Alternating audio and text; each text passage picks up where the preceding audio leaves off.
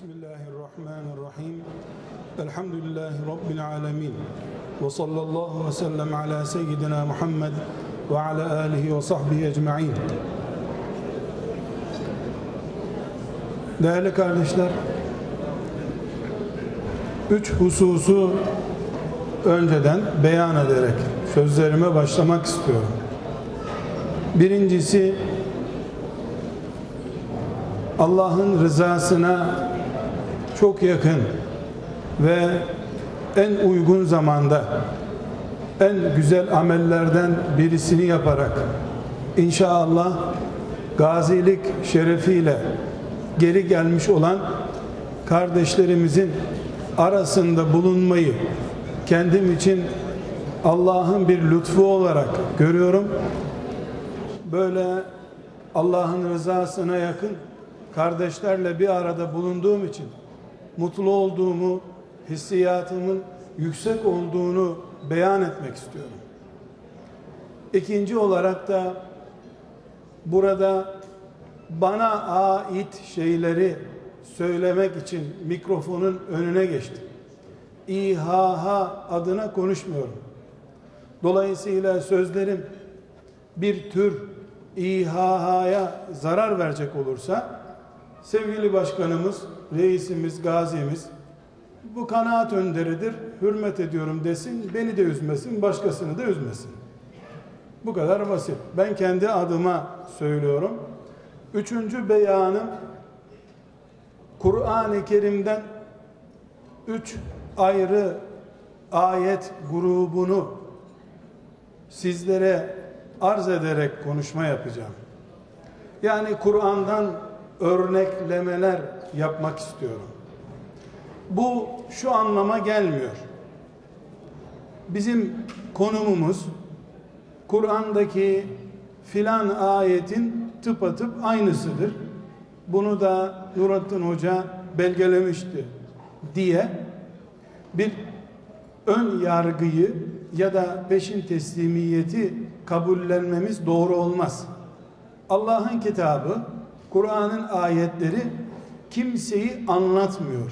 Ama herkese örnekler sunuyor. Biz herkes olarak Allah'ın kitabından kendimize nasip pay çıkarmak istiyoruz. Mesele bu kadar. Filan ayet bizim için inmedi. Bizim gibiler için inen ayetlerden okuyacağız inşallah.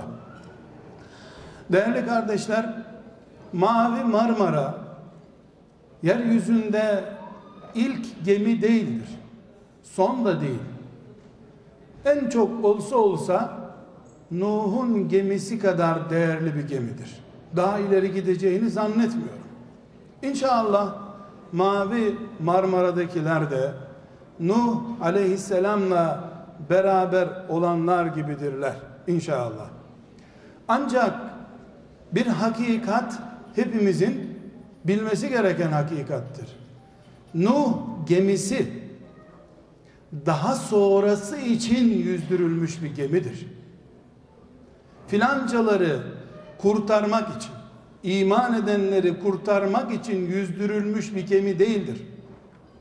Önceki döneme ait yanlışları denize gömüp suya gömüp daha sonra Allah'ın iradesine göre yeryüzünde Muhammed Aleyhisselam şeriat kursun. İsa kudret mucize olarak yeryüzüne gelsin. Musa'nın denizi yarmasına zemin oluşsun diye Nuh gemi yüzdürmüştür. Nuh gemisi iman edenleri kurtarma gemisi değildir. İman edenleri okyanusa açma gemisidir. Herhangi bir gemi asırlardan bir asırda Nuh gemisinin filosunda olmayı arzu ediyorsa nereye giderse gitsin o sadece iki çuval makarna dört çuval pirinç taşıma gemisi asla değildir. Ya ne gemisidir? Kıyamete kadar sindirilmiş Müslümanlara ufuk gösterme, okyanusları gösterme gemisidir inşallah. Başka türlü kimse Nuh'un filosuna katılamaz. kimse Nuh'un gemisindeki 70-80 iman edene benzeyen bir zeminde olamaz.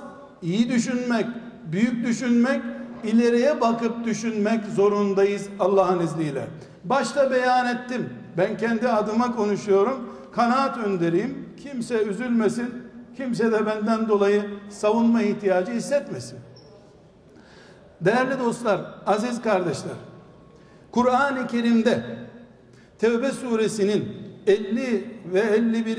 52. ayetlerinde Allahu Teala ümmeti Muhammed'in toprağa hakim olduğu Mekke'nin fethedildiği ve dolayısıyla İslam'ın resmi rakip olarak tanındığı döneme ait bir olayı bize tanıtıyor. Bu dönem nasıl bir dönemdir?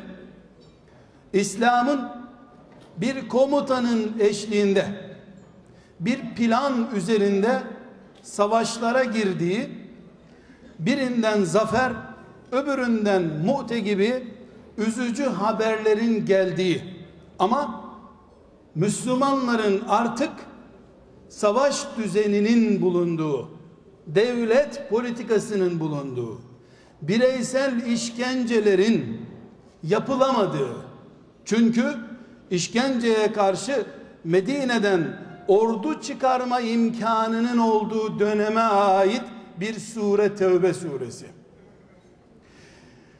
Bu dönemde dışarıdan konuşanlar var.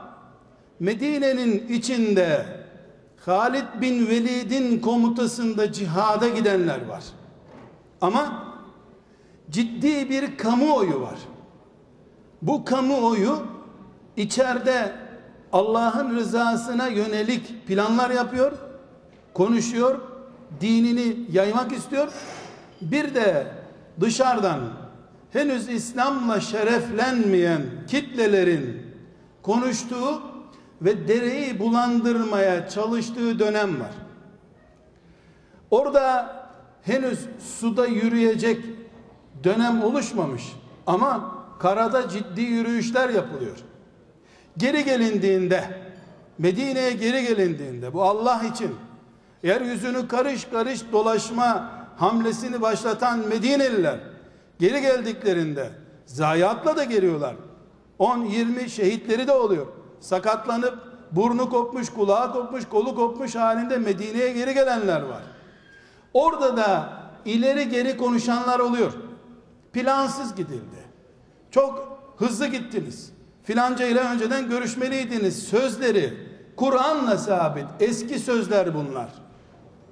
En yüksek düzeyde zaferle geri dönüldüğünde bile kusur bulanlar, yanlış yaptınız, aşırı gittiniz diyenler var.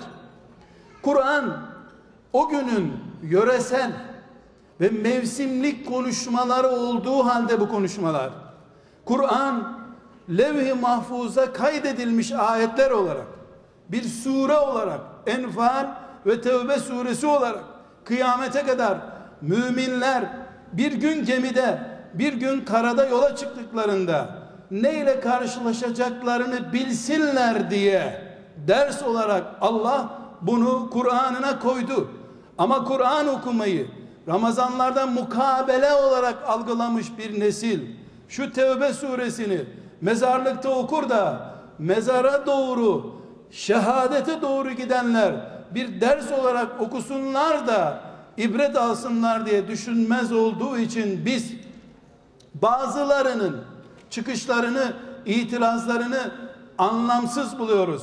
Halbuki gemimizdeki, büromuzdaki, yerinde oturanlar, televizyonlardan izleyenler, gemi kuvertesinde izleyenler, Tevbe suresini önceden okumuş olsalardı, Allah'ın Firavun'la ilgili ayetleri, ne için Kur'an'da dizdiğini, bu zalim tağutun Kur'an'da ne işi var? Bunu önceden öğrenmiş olsalardı, Allah Bedir suresinin en ince ayrıntılarına kadar neyi niçin anlatıyor? Bunu bir kere okumuş olsalardı çok daha huzurlu, şehadetten sıkılmayan, gaziliği sorunlaştırmayan ailelerimiz olurdu, toplumlarımız olurdu. Hocalarımız Ramazan'da mukabele okuyup para topladıkları Kur'an'ı bir kere de Allah için okumuş olsalardı ne diyor diye herhalde ne gemimize ne de tayfalarımıza söz söylemezler daha hayalı olurlardı. Çünkü Allah'ın bu kafayı 1400 sene önce levh-i mahfuza kaydettiğini oradan da Kur'an-ı Kerim yoluyla kıyamete kadar deşifre ettiğini dolayısıyla bunun bir tür münafıklık olacağını Allah için yaptığı bir hareketten dolayı bir müminin kınanmayacağını biliyor olurlardı. İnşallah bundan sonra bilirler. Kardeşler Tevbe suresinin 52. ayetine kadar olan bölümü 50-52. ayetine kadar olan bölümü hepimiz alfabe gibi önümüze koymak zorundayız.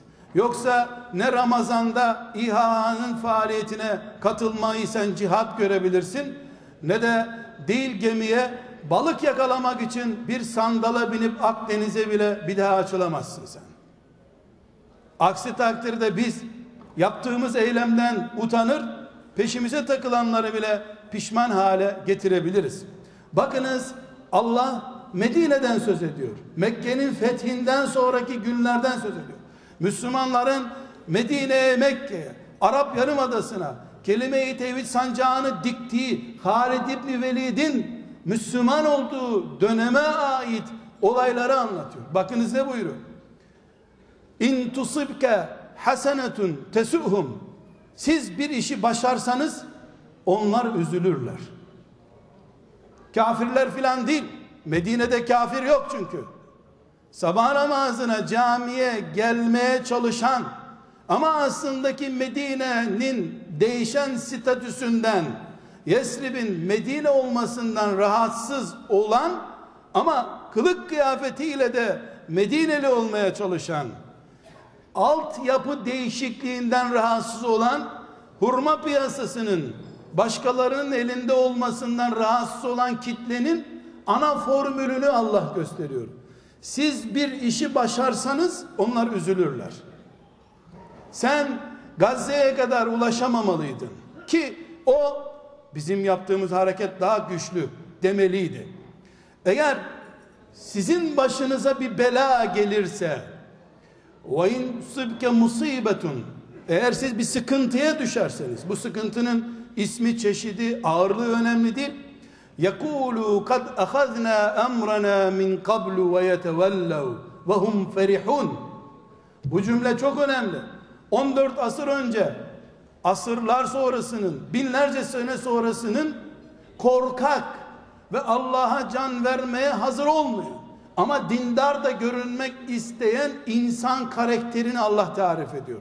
Siz bir sıkıntıya düşseniz, gittiğiniz cihatta zayiat olsa, artık nasıl sıkıntıya düşerseniz ilk cümleleri şu olur. Biz daha tedbirli davrandık. Bunlarınki tedbirsizlikti. Kad ahazna emrana min kablu. Biz daha önce tedbirli davrandık. Müslüman böyle yapmaz. Tedbirli davranır. Hemen onun tedbiri baş tacı. Ve hum ferihun. Siz üzülünce onlar bundan mutluluk hissederler. Tamam biz bunu zaten gördük. Bu defalarca bu ülkeden İngilizler, Fransızlar atılsın diye gayret ederken Müslümanlar da benzer şeyler söylenmişti zaten. Peki bize ne tavsiye ediyor Rabbimiz? Kullen yusibena illa ma kataballahu lena. Siz cevabınız şu olsun.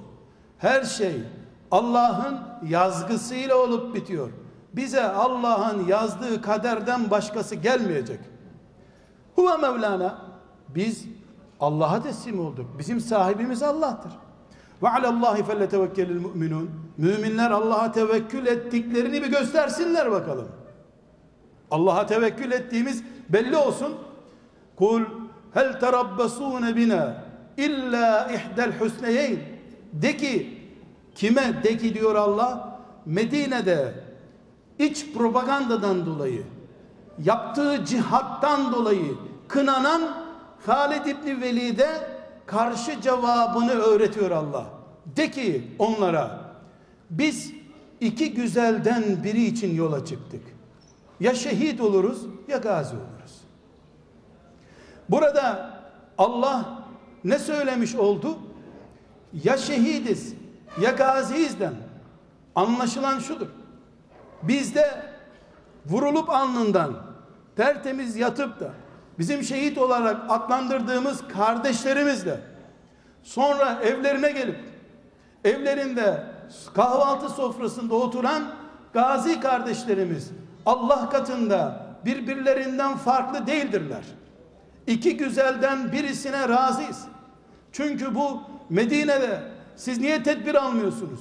Niye önceden izin almıyorsunuz? Bu plansızlık nedir diye bir tür kamuoyu altında kahredilmek istenen Halid İbni Velid'e ve onun cihad arkadaşlarına Allah'ın tavsiyesi nedir? De ki biz iki güzelden birisi için yola çıktık. Ya şehit olurduk en güzeline kavuşurduk. Ya da iki güzelden biri diye Allah'ın iki seçenek göstermesinden anlaşılıyor ki sağlam, yarasız, beresiz biz geri de dönsek, ailemize, yatak odalarımıza geri de dönsek Allah'ın şehit kardeşlerimiz için takdir buyurduğu güzelliğin bir benzeri alnımıza yazılmıştır bizim. Bunu tıpkı insanlar yeni elbisesi olan çocuğu çekemeyip o çocuğu taşladıkları gibi yani çocukların birbirlerini haset ettikleri gibi fabrikası üstüne fabrika kuran zengini haset ettikleri gibi gemide denizde yürüyen ve iki güzelden birine Allah'ın izniyle kavuşan İHA müntesibini de elbette haset edecekler. Plansız, projesiz iş yapmıştınız diyeceklerdir. Allah'ın bunları susturun diye cevap verdiği nedir? İki güzelden birine kavuştuk cevabıdır.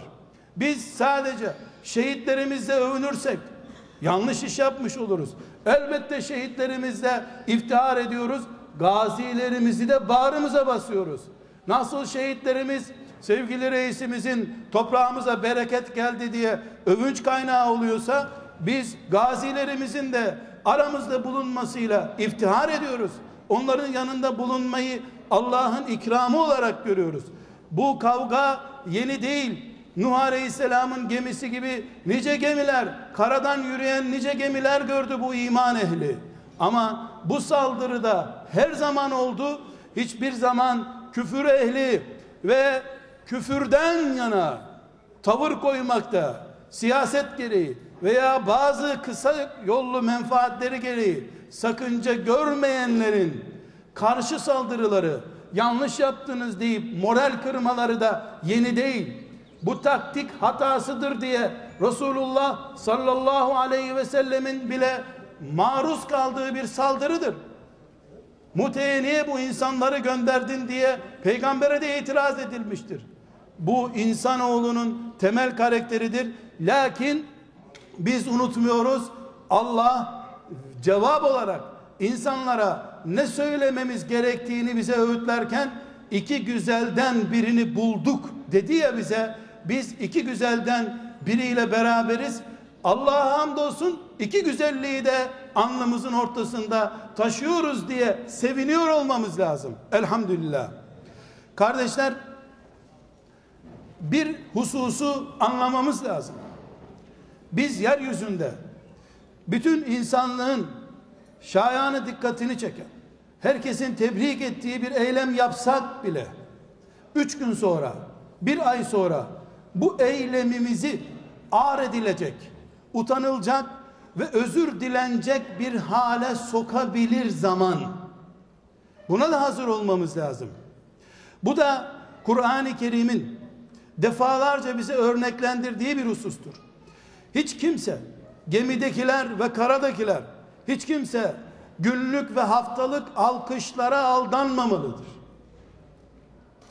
Günlük alkışlar gün batımı ile beraber unutulur. Bunun için Allah adına, insanlık adına iftihar edilecek iş yapanlar bu iftihar süresini yıllara uzatmak zorundadırlar. Gemi çıkarmak kadar gemiyi limanda bekletmek zorundadır İHH'lılar. İnsanlığın dikkatini çek. İnsanlar iftihar etsinler. Biz neler yapabilirmişiz desinler. 6 ay sonra internet sitelerinden bile takip edilmeyecek şekilde unuttur. Bu vefasızlıktır.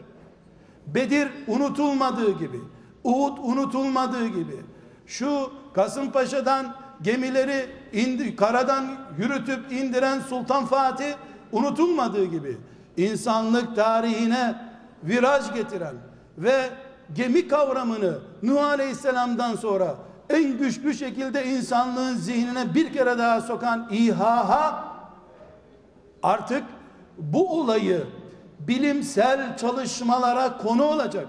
Üzerinde onlarca doktora tezi yapılacak hale getirmek zorundadır. Bu sadece İHA'nın yönetiminin sorumluluğunda da değildir.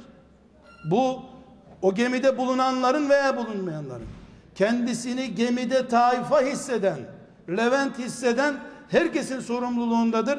Çünkü hiçbirimiz o geminin güvertesini, demir parçalarını kendimize sevgi ve muhabbet konusu olarak belirlemedik. Hedefini çizdik. Allah'ın rızasına uygun bir harekettir dedik. Biz sabah namazı kılıp onu tarihe gömmediğimiz gibi cihad edip sonra o cihadımızı gemiyle, karayla veya bir şekilde Allah için yaptığımız bir hareketi zamana unutturamayız. Aksi takdirde gelecek kuşaklara örnek vermemiş oluruz. Müslümanlar yaptığı işten bir ay sonra, iki ay sonra utanıyorlar hissiyatını verdiririz ki şimdi tenkit edenler bundan mutluluk duyarlar. Allah muhafaza buyursun. Kardeşler bir şeyi anlamamız lazım. Bir insan şahsiyetiyle insan oluyor ya. Şahsiyeti, rüculeti, delikanlılığı, bayan olsun erkek olsun. Erimiş insandan Allah'ın dinine destekçi olmaz. Kur'an-ı Kerim Zuhruf suresinin 51. 54. ayetlerinde çok önemli bir noktayı bize işaret ediyor. Musa aleyhisselam neden kendisini kurtarmak için karşısında duran bir peygambere destek vermeyen, Firavundan yana tavır koyan İsrail oğullarının kafa yapısını izah ediyor. Kur'an-ı Kerim ebedi ders veriyor. Musa aleyhisselam şimdi bizimdir dedikleri Kudüs'ün eteklerine yer denizin yer olması, yol olması mucizesiyle İsrail oğullarını getirdiğinde İsrail oğulları sahile geldiler. Bomboş bir çöl. Bu çölde biz ne yapacağız? Biz aç kaldık. Bizi sen kandırdın. Firavun da boğuldu. Biz helak olduk demeye başladılar. Bunun üzerine Musa aleyhisselam onlara dedi ki şu ileride Kudüs diye bir şehir var. Gelin orada çok küçük bir kabile var. O kabileyle savaşalım. Orası bizim olsun. Bu bölgenin hakimi oluruz. Devletimizi kuralım. Dediğinde Musa aleyhisselam. Maide suresinden izliyoruz bu olayı. Ne cevap verdi İsrail oğulları? Sen ve Rabbin gidin savaşın biz burada bekleriz sizi dediler.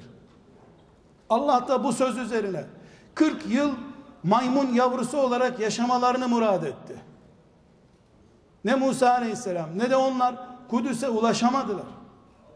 Bu olay Zuhruf suresinde Allahu Teala'nın bu mantıktaki, bu çürük kafa, bu tokat yemekten zevk alan, sürünmekten zevk alan, hazır devleti tabakta sunsan onu bile kabul etmeyecek çapta olan bu İsrail oğullarının neden bu yapıda olduğunu Zuhruf suresinde Allah Teala o kadar açık izah ediyor ki bunu niye anlatıyorum? Senin gemini ve senin mücadeleni, senin Gazze'ye gidişini cami imamı, filan yerin müftüsü anlayacak diye bir bekleyiş içinde olma. Sana o gün alkış tutabilir. Sen üst bürokratlardan destek aldığın için çok huzurlu, mutlu demeçler verebilir. Bir ay sonra görelim. iki ay sonra görelim. Yani şimdi biz kendimize Kur'an'dan ders çıkarmazsak, bu sıcak zeminde duran insanlar olarak ders çıkarmazsak gelecek kuşaklara yaz aylarında elif cüzü Kur'an öğretmemizin bir anlamı yok o zaman bizim. Allah Teala Firavun'un iki sistemle İsrailoğullarını kendilerini kurtarmak isteyen bir peygambere bile mesafeli durduklarını anlatıyor. Bir, Firavun ciddi bir şekilde ekonomik ve siyasi gücünü abarttı Allah buyuruyor. Şu gördüğünüz Nil ve Nil Vadisi'nin ilahı ben değil miyim dedi. Alkışçıları tabi sensin dediler. Seyredenler de böyleymiş diye inandılar. Şu altından ırmaklar akan saraylar benim değil mi? Senin abi dedirttiler. O senin sözleri insanların gözünde Firavun'u ne söylerse doğru söyler hale getirdi. Demek ki insanları sarayla altında ırmakları olan bahçesi Nil kenarında özel ırmaklarla sulanan ekonomik yapıyla ikna etmişler. Sonra ne olmuş? فَاسْتَخَفَّ قَوْمَهُ Adamlarının kafalarından erkekliği çıkarttı Allah buyuruyor. Bizden adam olmaz. Biz yapamayız. İzin almadan İHA bunu yapamaz. Dedirttiler. Ama bunlar yabancı Kıptiler, Firavun'un korumaları değil. Musa Aleyhisselam'a iman etmiş insanlar. Sen yapamazsın. Musa'ya karşı koyamazsın dediler. Neden? Çünkü küçüklüğe özendirilmiş, sömürülmeye müsait hale getirilmiş. Çocukluğundan itibaren abi el öptürme filancaya abi de abinden büyük konuşma denmiş tipler. 17 yaşında İslam orduları başkumandanı yapılacak bir Üsame değil. Olsa olsa evde bulaşık yıkayacak abisinin her emrine itaat ettirilecek bir mantığın üzerine oluştuğu için yarın sen gemide çıkarsan, otobüste kaldırsan, dolmuş takside kaldırsan bunu kaldıracak kapasitesi yok. Küçük düşünmeye iman etmiş. Büyük şeyleri benimsetemiyorsun. Sıkıntı burada. Bunu Allah Zuhruf suresinde niye anlatıyor? Musa'nın yapacağı eylemin bir benzerini kıyamete kadar kim yapacaksa bilsin ki onun rakibi Firavundan önce Firavun'un büyük kendisinin küçük olduğunu vehmeden imanıyla kayaları delecek güçte olduğu şuurunda olmayanlar Firavundan önce Firavun'un askerlerinden önce Musa'nın engelidirler. Musa'nın moral kırıklığının nedenidirler. Biz küçücük bir topluluğuz. Sen bu köklü medeniyetle nasıl uğraşırsın dediklerini Allah Kur'an-ı Kerim'de defalarca izah ediyor. Bir hususu daha belirterek huzurunuzdan ayrılmak istiyorum. Kardeşler, İslam tarihinin ilk ve en büyük zaferi hepimizin bildiği gibi Bedir zaferidir. Bedir'e katılanlar 313 mücahidin isimleri bazı tarikatlarda muska yapılıp felçli insanların üzerine yapıştırılır iyi olsunlar diye. Şifa ayeti gibi Bedir'e katılan mücahitlerin isimleri suya yazılıp hastalara içiriliyor. Bedir böyle büyük bir savaştır. Ama sevgili Gazi reisimize, İHA'ya ve Allah için çalışacak herkese bir not ilave etmek istiyorum. Şu Bedir bu haliyle Enfal suresinin birinci ayetinden itibaren Allah'ın Kur'an-ı Kerim'de anlattığı en önemli olaylardan bir tanesidir.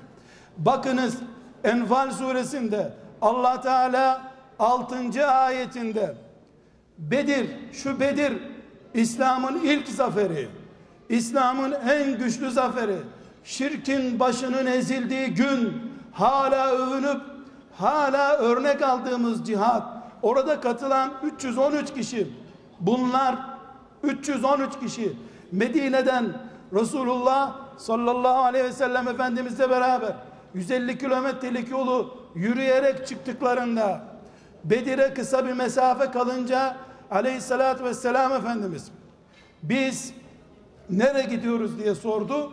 Hepimizin bildiği gibi kervan basmaya gidiyorlardı.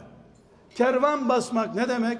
Şam'dan gelen Mekke'de yenecek bir yıllık erzağı, kumaşı alıp Medine'ye götürecek. Ekonomik bir baskın yapacaklardı.